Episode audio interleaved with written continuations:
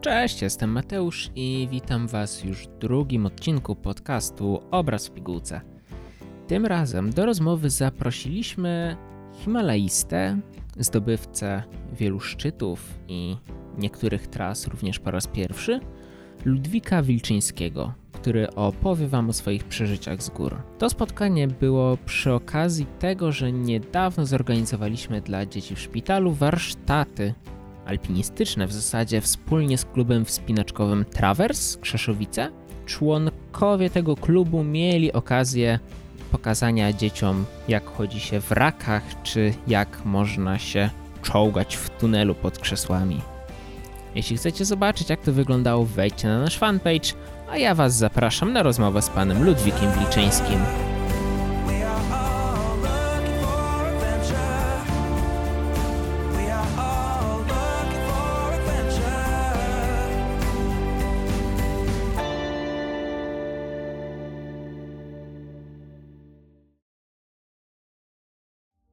Kiedy zaczęła się Pana miłość do gór?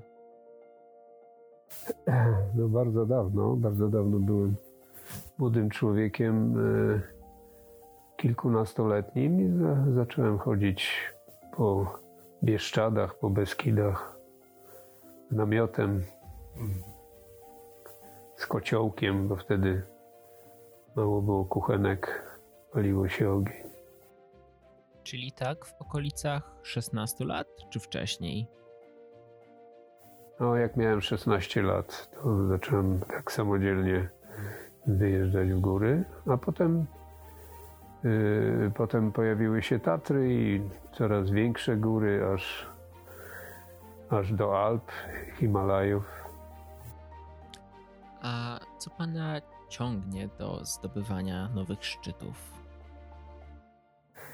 No, trzeba powiedzieć, że, że góry są jednym z ostatnich miejsc na naszym świecie, gdzie przyroda jeszcze ma przewagę nad człowiekiem.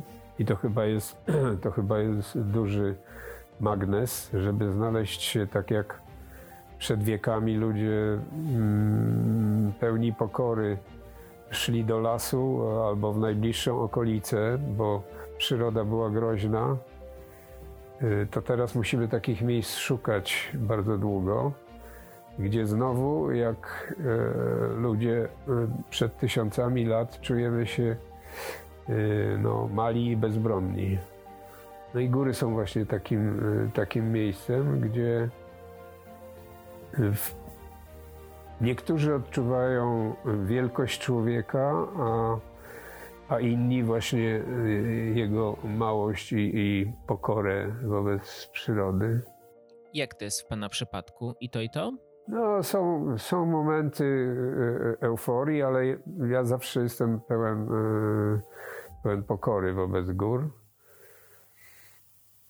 No i ważni są, bardzo ważni są w górach ludzie. Bez ludzi w zasadzie góry by były puste, byłaby to kupa kamieni i lodu.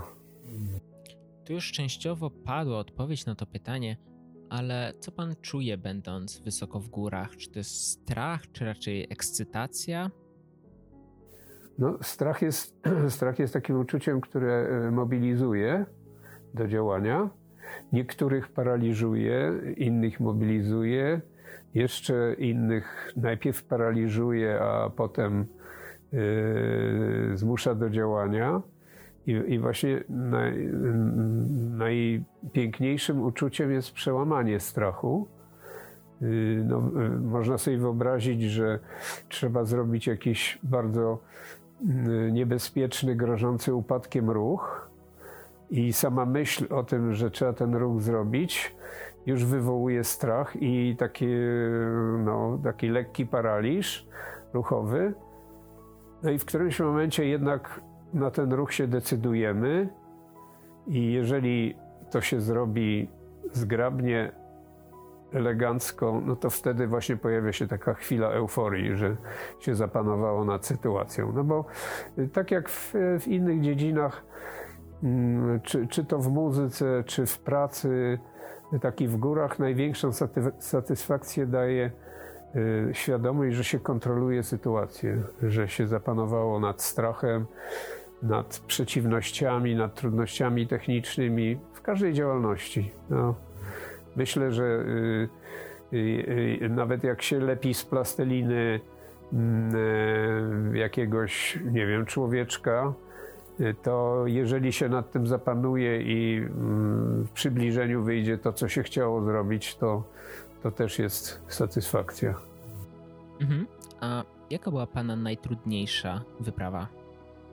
Najtrudniejsze wbrew pozorom y, nie są Himalaje. Często się zdarza po prostu, że nieraz nawet na, na y, z pozoru małych y, i nietrudnych górach warunki potrafią być tak straszne, że wspomnienia uniesienia głowy szczęśliwie pozostają na całe życie. Także to bardzo różnie to bywa. No to może teraz z drugiej strony Czyli jaką wyprawę najlepiej pan wspomina? E, najlepiej wspominam e, wyprawy z, z przyjaciółmi e, i wspinaczki z dobrymi, stałymi partnerami w Alpach. Himalaje zawsze były takimi wielkimi przedsięwzięciami, gdzie spotykało się nowych ludzi, Y, nieraz z przyjaciółmi, nieraz y, tylko ze znajomymi, albo nawet z kompletnie nieznajomymi ludźmi. Także to były zawsze bardzo ciekawe spotkania, ale najbardziej pamięta się y, wyprawy, wspinaczki z ludźmi, którzy byli bliscy. Czyli znowu wracamy do człowieka, tak? Tak, jest to, jest to miejsce, jest to jedno z wielu miejsc spotkania drugiego człowieka. Oczywiście to, to miejsce jest ważne również i dlatego, że, że ono jest piękne, jest, jest niebezpieczne i te trudy ponosi się razem z kimś w zespole. E, to jest, to jest wartość jakby dodana alpinizmu. A jak to jest, jeśli ktoś by chciał zostać alpinistą? Czy wystarczą dobre chęci? czy trzeba mieć jakieś jednak konkretne predyspozycje do tego?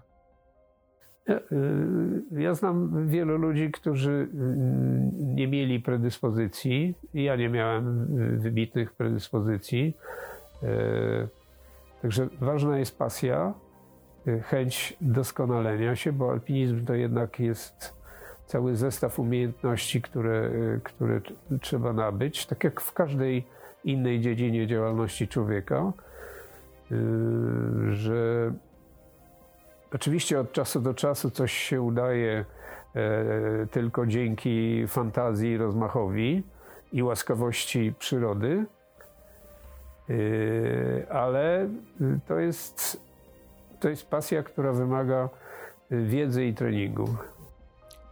Dzisiaj, chwilę przed tą rozmową, y, miał Pan okazję do malowania obrazu dla nas, dla szpitala dziecięcego. I w związku z tym mam pytanie, czy to była pana pierwszy kontakt z malarstwem, czy może już jakoś wcześniej pan próbował malować? Nie, nie, nigdy, nigdy nie miałem z malowaniem y, nic wspólnego. Chociaż jak y, przeszedłem na emeryturę, to się tak przez chwilę zastanawiałem, czy nie kupić sobie sztaluk i nie próbować czegoś malować dla zabicia czasu, ale okazało się, że czasu jest tak mało, że Zapomniałem o tym. A jak pan myśli, w jaki sposób najlepiej można zarażać młodych ludzi tą miłością do gór?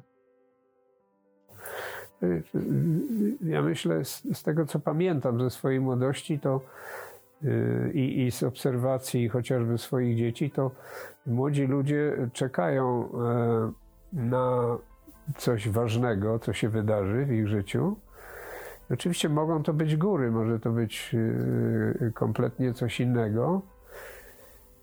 I najlepiej, jeżeli, y, jeżeli młody człowiek sam odkryje coś, co jest dla niego y, i nikt mu nie będzie w tym przeszkadzał, a już na pewno nie jakoś tam nachalnie namawiał, prawda? A zachęcić, oczywiście, że zachęcić można młodych ludzi i to nie musi być wcale wielkie zdobywanie wysokich gór, to może być po prostu turystyka, która jest bardzo pięknym zajęciem, zwyczajne chodzenie po górach. Jak się da, z namiotem. W górach można robić wiele rzeczy. Można chodzić na nartach. Jeżdżenie na nartach na wyciągu jest raczej zajęciem takim miejskim, bo to jest miasto w górach, prawda? Ale już chodzenie e, na nartach po trasach turystycznych, czy chodzenie pieszo z plecakiem, e, to już jest obcowanie z górami.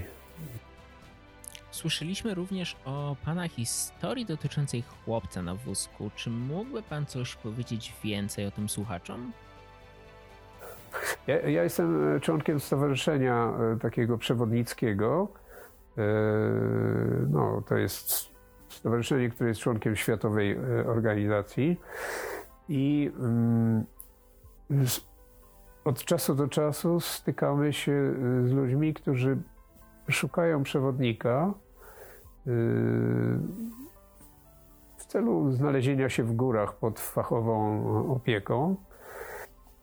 Mam takiego kolegę, Bartka, który ma kłopoty neurologiczne ma problemy z koordynacją ruchową, z chodzeniem. Yy, mimo, że jest dość silny, to jednak samodzielnie w górach sobie nie radzi. Yy, nie używa wózka, ale wymaga, yy, ale wymaga pomocy w czasie, w czasie chodzenia i w czasie wspinania. Byliśmy co najmniej kilka, kilkanaście razy w górach i w skałach. E, najlepiej mu wychodzi wspinanie, bo używa wtedy i rąk, i nóg, e, i wtedy kłopoty ma najmniejsze, a satysfakcja, e, tak sobie przynajmniej wyobrażam, że jego satysfakcja jest dokładnie taka sama po przejściu kilkunastu metrów pianowej skały, jak, jak dla sprawnego człowieka pokonanie ściany czterotysięcznika. Mm, no, jest to również satysfakcja dla tych, którzy pomagają, że, że się udało. Czyli nawet mając ograniczoną możliwość poruszania się, można z pomocą innych oczywiście jakoś e, zdobywać te góry i je odkrywać. Z małą pomocą przyjaciół. Myślę, że nie, niekoniecznie należy e, szukać yy, przygody w górach Y, bo jest cały szereg różnych innych zajęć, które y, dają satysfakcję. Jest to jedna z możliwości. Y, chyba nie najlepsza w przypadku dużych kłopotów ruchowych, ale dająca tym bardziej wiele satysfakcji, jeżeli się takie trudności przełamie. Ale jestem pewien, że podobną satysfakcję podobne mm, zadowolenie z, z kontroli nad sytuacją można osiągnąć w każdej innej dziedzinie, prawda? Są, są ludzie, którzy grają y, w tenisa, przecież turnieje wielkoszlemowe, y, każdy z tych turniejów ma turnieje y, tenisa na wózkach. E, I są to ludzie, którzy osiągnęli no, niebywałą perfekcję w swojej, w swojej dziedzinie. E, odbywają się światowe turnieje. To wszystko są, e, to wszystko są pasje, które przełamują jakby granice. E, wreszcie sport w wydaniu ludzi całkowicie sprawnych jest przełamywaniem granic. I jeżeli się ma te granice ze względów zdrowotnych postawione, też można je próbować przełamywać. Jeśli dotarliście do tego momentu, to bardzo Wam dziękujemy za wysłuchanie drugiego odcinka podcastu Obraz w pigułce. Jeśli chcecie dowiedzieć się więcej o działaniach naszej fundacji poza tym podcastem, to wejdź na stronę obrazpigułce.pl albo znajdźcie nas na Facebooku, Instagramie, LinkedInie czy YouTubie. Wszędzie jesteśmy jako Obraz Pigułce lub Fundacja Obraz Pigułce. A jeśli podoba Wam się to, co robimy, możecie dołączyć do nas i malować razem z nami. A jak? To odwiecie się na Facebooku lub na stronie obrazpigułce.pl ukośnik wolontariat. Dzięki i do usłyszenia.